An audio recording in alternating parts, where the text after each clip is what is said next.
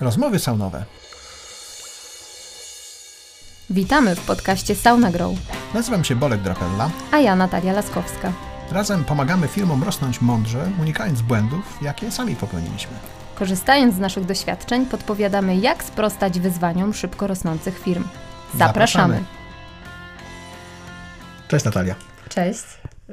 Dzisiaj chciałbym, żebyśmy na chwilę zatrzymali się e, i porozmawiali o tym z perspektywy już trzech lat e, doświadczenia Sauna Grow e, i tych e, kilkunastu klientów, e, z którymi pracowaliśmy, czy pracujemy nadal dłużej w sposób regularny, bo nie liczę o tych e, kilkudziesięciu klientów e, z takich krótszych e, interakcji. Jak czujesz, e, jakie wyzwania najczęściej towarzyszą firmom, e, które rosną? Czyli takie, które w pewnym momencie osiągnęły coś i nagle ten rozwój e, firmy przyspieszył i zwracały się do nas e, z prośbą o pomoc. Nie mówimy tu o konkretnych firmach, ale o konkretnych wyzwaniach, które często się powtarzają. Jakie byś kilka takich wymieniła na sam początek? Mhm. Właśnie zaczęłabym od tego i powtórzyła to, że te wyzwania faktycznie się powtarzają, bo y, one w zasadzie są, no można powiedzieć, takie same w wielu organizacjach, z którymi współpracujemy. Y, I taką pierwszą, na którą zwróciłabym uwagę, to pewnie takie cele organizacji. Czyli to właśnie w jakim miejscu te dane organizacje są. E, oczywiście jakiś czas temu e, powstały, okazało się, że z sukcesem sobie działają, w związku z tym jest ten rozwój, coraz więcej pracowników i cele też na różnych etapach organizacji się zmieniają. Ale to chyba jest też tak, że te cele czasami w ogóle nie istnieją albo nie są nazwane, a czasami są nazwane, ale tylko jest jakaś tajemnica e, czy tajemna wiedza zespołu założycieli i nikt o tym nie wie, tak? To chyba w dwóch stronach nie działa. Często tak się zdarza, że albo nie wszyscy są dobrze poinformowani o, o tych celach, albo te cele nie są jakoś jasno zdefiniowane, jasno zakomunikowane. Tu kolejny pewnie temat komunikacji Mhm. na za chwilę, e, ale tak, no, ta strategia i też e, o której e, mówiłam już w innym podcaście, wizja, misja, czyli to od czego powinny zająć takie organizacje, to często nie jest odpowiednio nazwane, potem też nie jest odpowiednio zakomunikowane, przestrzegane, nie wynika z tego odpowiednia strategia i cele. Czasami jest to właśnie tak gdzieś tam od końca, czyli y, działamy sobie, robimy coś, a potem się zastanawiamy, po co tak naprawdę to robimy. Mhm. Wspomniałeś też o tej komunikacji. To jest rzecz, która no, mi się jakoś tak przewija przez e, wszystkie, właściwie niezależnie od branży, niezależnie od kraju, nawet niezależnie od e, e, sposobu finansowania, tak? Czy to jest zupełnie oddolne, czy jakieś fundusze venture capital to, w to wchodzą, to ta komunikacja jest bardzo dużym wyzwaniem, ale ona też jest na różnym etapie, bo to nie jest tylko kwestia komunikacji celu, ale też jak ta komunikacja się zmienia, jak organizacja rośnie. Dlaczego ta komunikacja się zmienia, jak organizacja y, rośnie z tych, nie wiem, kilku osób do kilkunastu, kilkudziesięciu, kilkuset? Co tam jest największym wyzwaniem według Ciebie? Największym wyzwaniem pewnie jest y, i sposób, i, ale przede wszystkim ilość komunikacji, bo tak naprawdę to, co komunikujemy sobie w małym, w małym gronie, możemy porozmawiać sobie o wszystkim, przekazać wszystkim wszystkie informacje i tego nie ma gdzieś tam za dużo. Y, Z czasem, gdy, gdy ludzi jest coraz więcej, gdy informacji jest coraz więcej, komunikatów jest coraz więcej, komunikatorów jest coraz więcej, to, to, to też jest problemem, czyli liczba narzędzi, które używamy. No tego robi się taki natłok, że czasami nie, mamy wrażenie, że po prostu siedzimy i odbieramy komunikaty, rozmawiamy z ludźmi, odpowiadamy na, na jakieś zapytania albo czytamy jakieś e, informacje, więc te, ten sposób komuni- komunikacji, to co chcemy przekazać, w jaki sposób chcemy przekazać, jakie narzędzia do tego używamy, jak często to robimy, to się zmienia właśnie wraz z, ro- z rozwojem organizacji i musi być odpowiednio dostosowane e, no, do tego etapu, po to, żeby nie było natłoku informacji, ale żeby tych informacji było odpowiednio, e, żebyśmy, żeby każdy był odpowiednio poinformowany. Mhm. To jest chyba właśnie, znaczy też z własnych doświadczeń, pamiętamy w Verhelpie chociażby, tak, jakby e, zmienia się liczba osób w zespole. Mówiło się o tej liczbie 150 osób, że powyżej 150 jest zupełnie inaczej niż poniżej. W Verhelpie w ciągu chyba tam trzech lat trzykrotnie przekroczyliśmy te 150, tak, zmieniając, zmieniając siłą rzeczy również to, jak, jak się firma musi komunikować.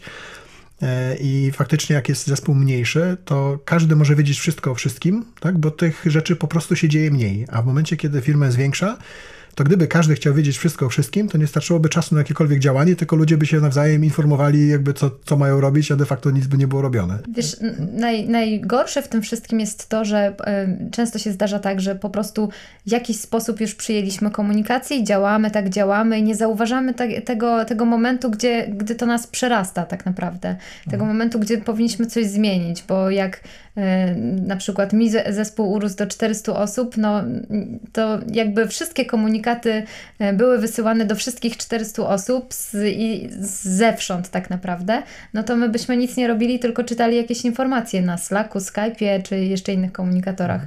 Więc e, to, to też często zdarza się u naszych klientów. E, często słyszę, że tych informacji jest tyle, niekoniecznie wszystkie mnie dotyczą, ale wszystkie do mnie trafiają, muszę je przeczytać.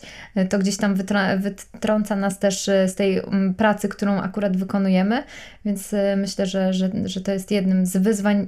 Przede wszystkim wyzwaniem jest to, żeby mieć tą świadomość, że, że te, ta komunikacja musi też ulegać zmianie, tak samo jak wszystko inne. No to mi się też kojarzy to powolne gotowanie żaby, bo mówisz, że, że zespół na początku był mały, potem rósł, rósł, rósł, ale to nie jest tak, że on urósł nagle z 5 osób do 400, tylko no okej, okay, no szybko, dynamicznie, ale jednak rósł jakimiś tam kroczkami, tak? I stąd pewnie łatwo jest, i to też widzę u naszych klientów, że oni e, jakby cieszą się, że ktoś z zewnątrz zauważy, że to już dawno nie działa, tak? Im się wydawało, że to działa, no bo to działało wczoraj, działało tydzień temu, działało miesiąc temu, działało pół roku temu, więc dlaczego miałoby nie działać również za tydzień, za pół roku i za kwartał? Ale się okazuje, że, że jednak e, czasami trzeba spojrzeć na to z zewnątrz i powiedzieć, hej, słuchajcie, to, to, to nie ma zupełnie sensu. Tak? E, jeszcze takim elementem, który no, też bardzo wpływa na tą komunikację, jest zmiana struktury. Jeśli dochodzą nowe szczeble w organizacji, które e, no siłą rzeczy muszą dochodzić, bo jeśli trzymamy się też takiej ważnej zasady, której no też w RHP się uczyliśmy, na początku tak nie, uda, nie udawało nam się, ale że, żeby nie było więcej niż tam 8-9 osób raportujących do jednego menedżera, to siłą rzeczy, jak organizacja rośnie do kilkuset osób, to tych samych menedżerów musi być już kilkudziesięciu. Tak? I tych poziomów managementu, tak? tej, tej, tej kadry zarządzającej jest znacznie więcej niż na początku. I tutaj znowu jest przekazywanie, te, te, te komunikowanie celów. Często mówimy o tych OKR-ach, tak? czyli Objective Key Results, e, jako narzędziu, które ma tej komunikacji pomóc. Tak? No bo, bo to chyba jest główny, główny cel OKR-ów. E, no nie jest po to, żeby była kolejna tabelka i kolejny jakiś zestaw celów, tylko to chyba właśnie wspiera komunikację. Nie? To na pewno, ale na co bym zwróciła uwagę też w przypadku komunikacji, to rola menadżera w tym wszystkim, bo tak naprawdę to on jest odpowiedzialny za komunikat. Z komunikacją jest też taki problem, że my komunikujemy, ale to też nie dociera tak, jakbyśmy chcieli, żeby to dotarło, i to jest mhm. ciężka praca menadżera w tym, żeby, żeby zapewnić, że te, te osoby odbierają nasz komunikat w odpowiedni sposób, tak jak my, tak jak my tego chcemy, tak jak też działają potem tak, y, jak my tego byśmy chcieli. Ale OKR-y na pewno są jednym z, no, z fajniejszych narzędzi do tego, żeby e, ułatwić komunikowanie celów. E, zaletą OKR-ów jest ich przejrzystość, właśnie łatwa komunikacja, to w jaki sposób są zdefiniowane, jak określają też e, realizację naszych celów, także tutaj komunikacja celów, no, tą metodą jest przynajmniej dla mnie zdecydowanie łatwiejsza. Mhm. Też innym obszarem, który też zauważam, nie wiem, czy też, też to widzisz u naszych klientów, że w ramach, e, czy w miarę jak rozwija się organizacja, e, to e, ludzie, na, którzy pierwotnie byli założycielami organizacji, coraz mniej robią tych merytorycznych rzeczy, które robili na początku, a coraz więcej zarządzania de facto. Tak? I nie wszyscy w tej roli menedżerów się odnajdują. I to jest chyba też takie wyzwanie, które, które jest trudne czasami do, do jakby zwizualizowania sobie dla menedżerów, którzy nagle się dowiadują, że hej, ty już nie jesteś wystarczająco jakby dobry, tak, jakby dla, dla tej organizacji, nie dlatego, że się pogorszyłeś, tylko organizacja potrzebuje już czegoś innego. Tak? Zdecydowanie tak jest, że nie, nie wszystkie osoby silne operacyjnie, nie wszyscy eksperci w danym jakimś tam obszarze mogą być e, dobrymi czy odpowiednimi dla organizacji menadżerami, mimo że y, powinniśmy, czy są też y, metody na to, żeby te umiejętności menedżerskie rozwijać, no nie każdy też w tym się odnajduje i czuje się dobrze, bo y, to też ta rola menadżera to nie tylko umiejętności nabyte, ale też pewne cechy osobowości e, i predyspozycje do pełnienia takiej roli. I co można zrobić z tym, żeby jakoś pomóc ludziom, którzy, czy firmom, które faktycznie mają taki, taki problem? Na pewno trzeba tych ludzi poznać i, i, i też y, oni sami muszą stwierdzić, do, do jakiej roli y, najbardziej się nadają, co tak naprawdę chcieliby robić, bo jeżeli są w stanie popracować nad sobą, nad tymi umiejętnościami menedżerskimi, jest to kierunek, w którym oni y, się odnajdują, no to jak najbardziej można ich wspierać, można ich wspierać mentoringiem, warsztatami, y, pracą właśnie z osobą doświadczoną w tym, na takim stanowisku, w, takim obszarze y, i tego wszystkiego można się nauczyć, ale te osoby też muszą chcieć. Mm, chociażby posiąść te miękkie umiejętności e, zarządcze. Chyba sam wiesz coś na ten temat. Tak, to ty mnie uczyłaś co to jest empatia, że to nie jest zupa z Azji. E, tak, e, ale jeszcze, jeszcze w kontekście tej, tej komunikacji i rosnącej organizacji często i znowu odwołuję się do naszych doświadczeń w Helpie, to było bardzo widoczne, bo tam byliśmy operacyjnie zaangażowani, ale również wśród klientów sanogrowych to widzę, że często pada takie stwierdzenie, za komuny było lepiej.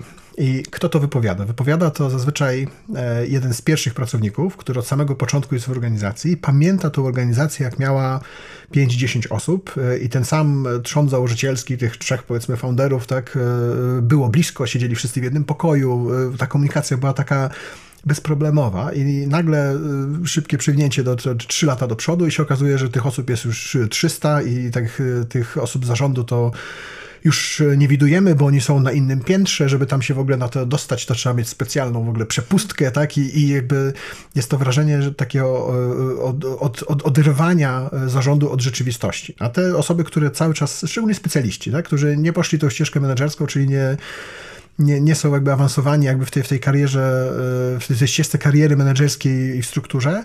Oni nadal robią super to, co robili dobrze e, na początku, tylko są cały czas gdzieś tam jakby dalej od zarządu i te informacje, które do nich nie dochodzą, nie jest tak, że oni nagle zostali pozbawieni prawa do tej informacji, tylko tych informacji po prostu jest za dużo. Ale oni czują, że nagle zostało im ograniczone jakby dostęp do informacji. Tak?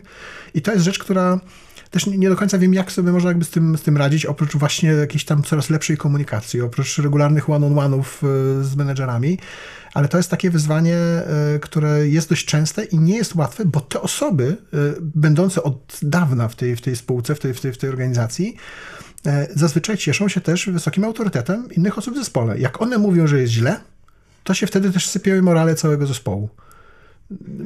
Masz jakiś pomysł, jak, jak, jak to najlepiej jest adresować? Pomysł może nie, na co zwróciłabym uwagę, albo do pomysłu przejdziemy później, ale zwróciłabym uwagę też na to, że nie wszyscy, że też organizacje mają różne, y, różne etapy, tak? Czyli ten pierwszy etap takiego typowego startupu, no to jest najbardziej ekscytujący mhm. Y, etap Zdecydowanie. Więc są ludzie, którzy po prostu na tym etapie potrafią się odnaleźć, a gdzieś tam dalej, jak już idziemy w ten y, setup korporacyjny powiedzmy, no to, to gdzieś tam już jest im ciężej, żeby, żeby właśnie zrozumieć te zasady działania, mechanizmy, to, że już nie muszą wszystkiego wiedzieć, czy nie jest możliwe, żeby, żeby wszystko wiedzieli, więc ja też uważam, że, że nie każdy odnajduje się w, w różnych organizacjach i też powinniśmy, patrząc na swój samorozwój, na to, na, na to, gdzie nam jest najlepiej, powinniśmy też szukać takich organizacji, w których właśnie najlepiej się odnajdujemy. I może w tych startupach, właśnie na tych, na tych początkach y, je, jeżeli takie organizacje pasują nam najbardziej, no to, to może też nie trzymajmy się kurczowo korporacji, tylko idźmy gdzieś tam dalej i, i szukajmy takich miejsc.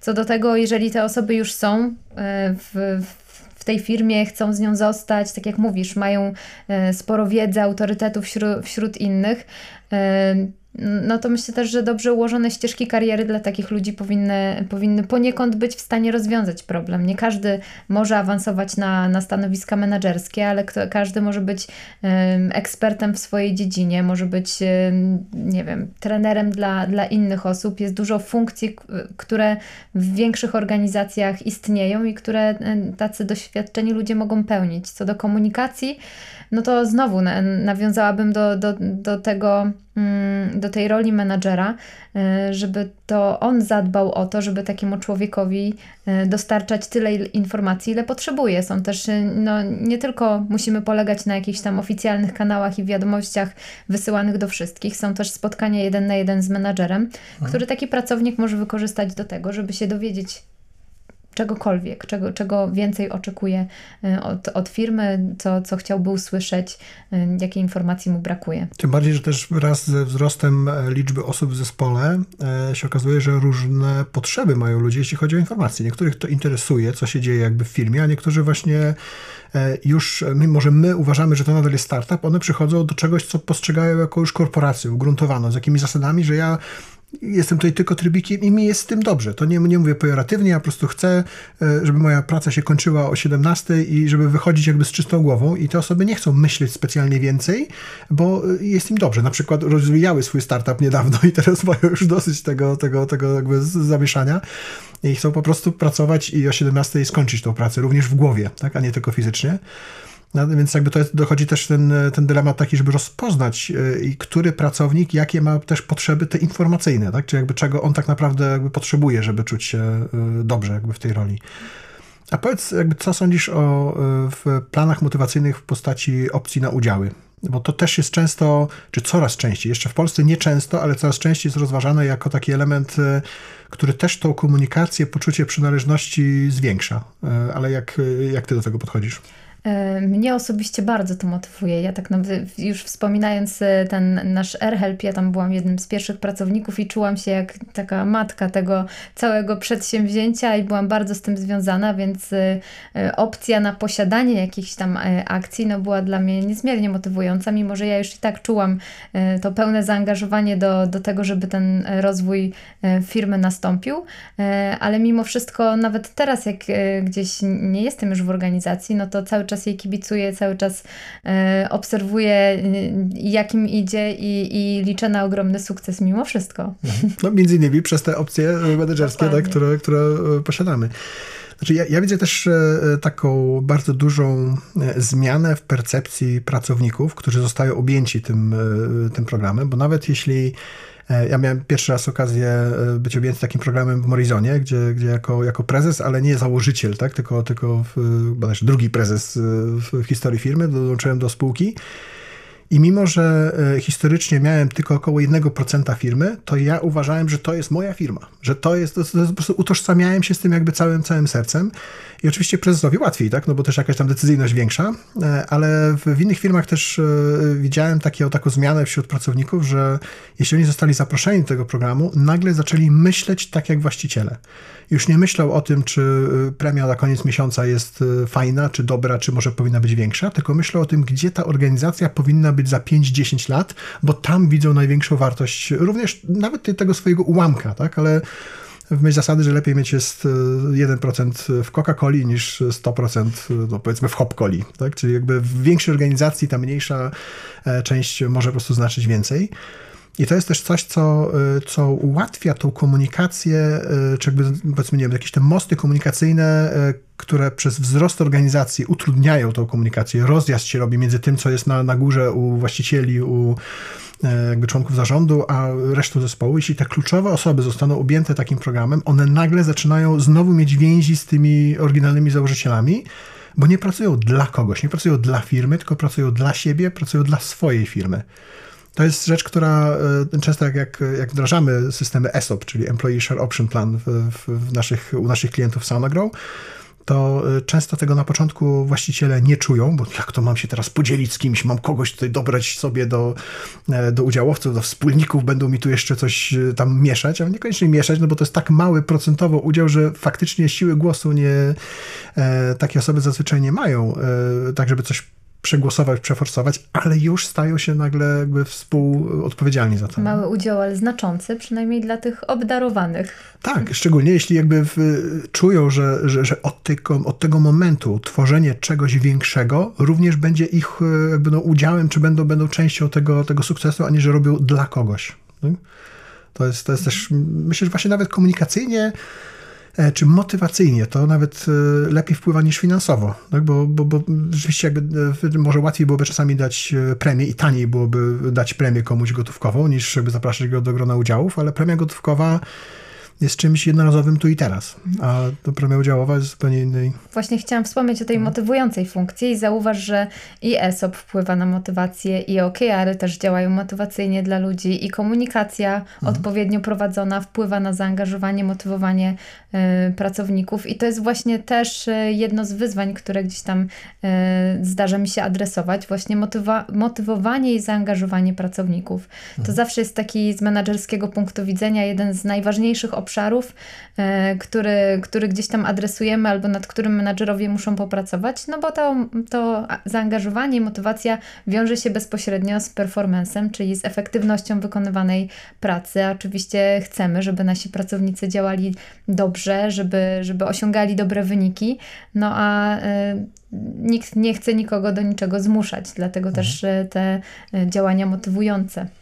No bo też e, to się trochę wiąże, e, myślę, z etosem pracy, który się zmieniał e, na, na przestrzeni wiem, lat czy pokoleń, że, że nasi, nasi rodzice, czy, czy pokolenia poprzednie, było w stanie pracować przez całe swoje życie zawodowe w jednym miejscu, bo to było naturalne, bo się po prostu tej pracy nie zmieniało. Tak? Ale wtedy mało kto myślał o, o jakiejś motywacji i o tym, żeby te, te, te zespoły były efektywne, a w tej chwili E, pracę jest po pierwsze łatwo zmienić. Ludzie znacznie szybciej tą pracę zmieniają. Jeśli im się nie podoba w tej pracy i wierzą, wierzą lub wiedzą, że może być gdzie indziej lepiej, no to myślą o faktycznie zmianie tej pracy i stąd chyba też większa taka presja na menedżerów na to, żeby zapewnić nie tylko owocowe czwartki, tak, czy wtorki, tylko po prostu, żeby ludzie faktycznie czuli się dobrze w tej organizacji, żeby razem z nią e, rośli i, żeby chcieli zostać dłużej, a nie tylko musieli, bo nie muszą. Tak? I to jest ta kultura organizacyjna, o którą, o którą również dbamy wraz z naszymi klientami, bo e, jest to no, jedno z istotniejszych też e, elementów organizacji,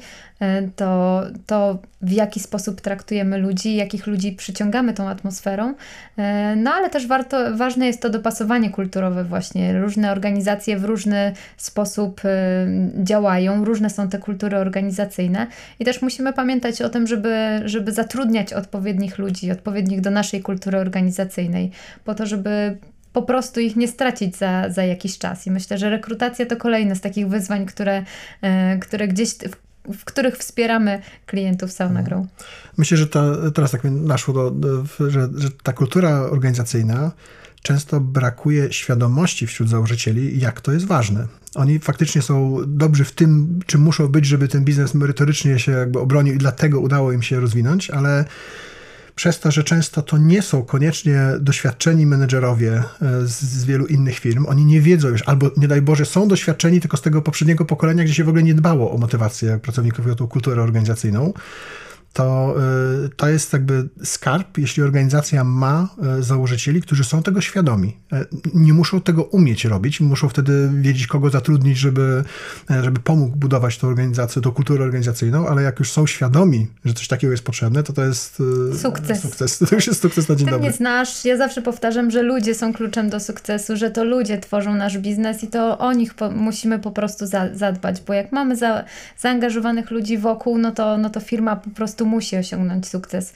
A jak będziemy po prostu zmuszać kogoś do, do jakiejś tam pracy, albo ludzie będą przychodzić do, do pracy z taką myślą rano, o matko, znowu do tej roboty idę, no, to, no to co ta firma może osiągnąć? Mhm. Poza tym też właśnie e, no, rynek jest wymagający tak naprawdę. Bardzo trudno jest znaleźć e, dobrych ludzi. Obecnie no, w, w tej branży IT to już w ogóle jest graniczy gdzieś tam z cudem, więc firmy muszą się czymś wyróżniać muszą wyróżniać się albo tą nietypową wizją, misją i tego, gdzie chcą dojść, albo właśnie kulturą organizacyjną, atmosferą, to jak dbają o pracowników. E, no, no myślę, że w tych czasach jest to dość znaczące.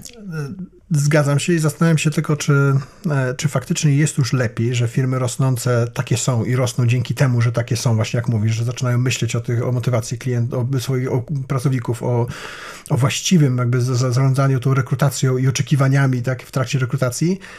A z drugiej strony mam takie, takie obawy, czy to nie jest trochę tak, że my to widzimy z perspektywy klientów, którzy do nas trafiają i to może być takie trochę ten taki bias, tak, że, że my widzimy świat z perspektywy klientów, którzy, którzy są klientami SaunaGrow, a z drugiej strony klient nie stanie się klientem SaunaGrow, dopóki nie ma tej świadomości, że tego potrzebuje. Tak, że, że, że, że nie wie wszystkiego, że, że gdzieś trzeba mieć trochę wsparcia z zewnątrz, tak? Myślę, że wśród naszych klientów jest pewien miks, ale e, no niewątpliwie skoro do nas trafiają i skoro z nimi pracujemy, to muszą być otwarci na ten rozwój, więc, e, więc to na pewno jest e, ich zaletą. Ja tak a propos tej kultury organizacyjnej trochę, co, co z mojej perspektywy myślę, że organizacje międzynarodowe, czyli jak jest gdzieś nie, nie tylko, nie, nie całkowicie polska firma, tylko gdzie, gdzie jest ta mieszanka ludzi, takie multikulti, no to jest jest e, ta kultura organizacyjna e, idzie w tą stronę właśnie te, tego dbania o pracownika, o różne benefity, o to, żeby wewnątrz działo się lepiej. Na pewno jest im łatwiej. Na pewno gdzieś tam e, z zagranicy przychodząc, przynosząc te, te dobre praktyki, widząc to, widząc też inne organizacje, wzorując się może na, na jakichś sukces, sukces Story. Sukces stories, czy, czy osiąga, na, wzorując się na organizacjach, które osiągają sukces y, gdzieś tam za granicą, no na pewno jest takim łatwiej. Sami y, byliśmy kiedyś w szoku oglądając y, firmy w Silicon Valley i, i to, co, co firmy mają w swoich biurach, a teraz tak naprawdę mm, co, drugie, co druga organizacja w Trójmieście ma biura właśnie z fajnymi kantynami, z różnymi bilardami, E, dartami, innymi e, fajnymi rzeczami dla pracowników, co kiedyś pewnie było e, nie do pomyślenia. Nie do pomyślenia, dokładnie. Słuchaj, no na pewno tych tematów jest, jest wiele, które, które widzimy, ale myślę, że tak, na, żeby trzymać się krótkiego formatu naszych podcastów, myślę, że możemy zamknąć ten temat na chwilę i wrócić do niego też jak kolejne myśli nam się nasuną. Ale bardzo dziękuję dzisiaj za rozmowę i do następnego razu. Dzięki. Podobał Ci się ten odcinek? Bardzo prosimy, oceń nasz podcast w Twojej ulubionej platformie streamingowej. Jeśli możesz, podziel się linkiem z tego odcinka w social mediach, np. na LinkedInie czy Facebooku. Dzięki temu możemy sprawnie działać i nagrywać kolejne podcasty. Z góry serdecznie dziękujemy za tak okazane wsparcie.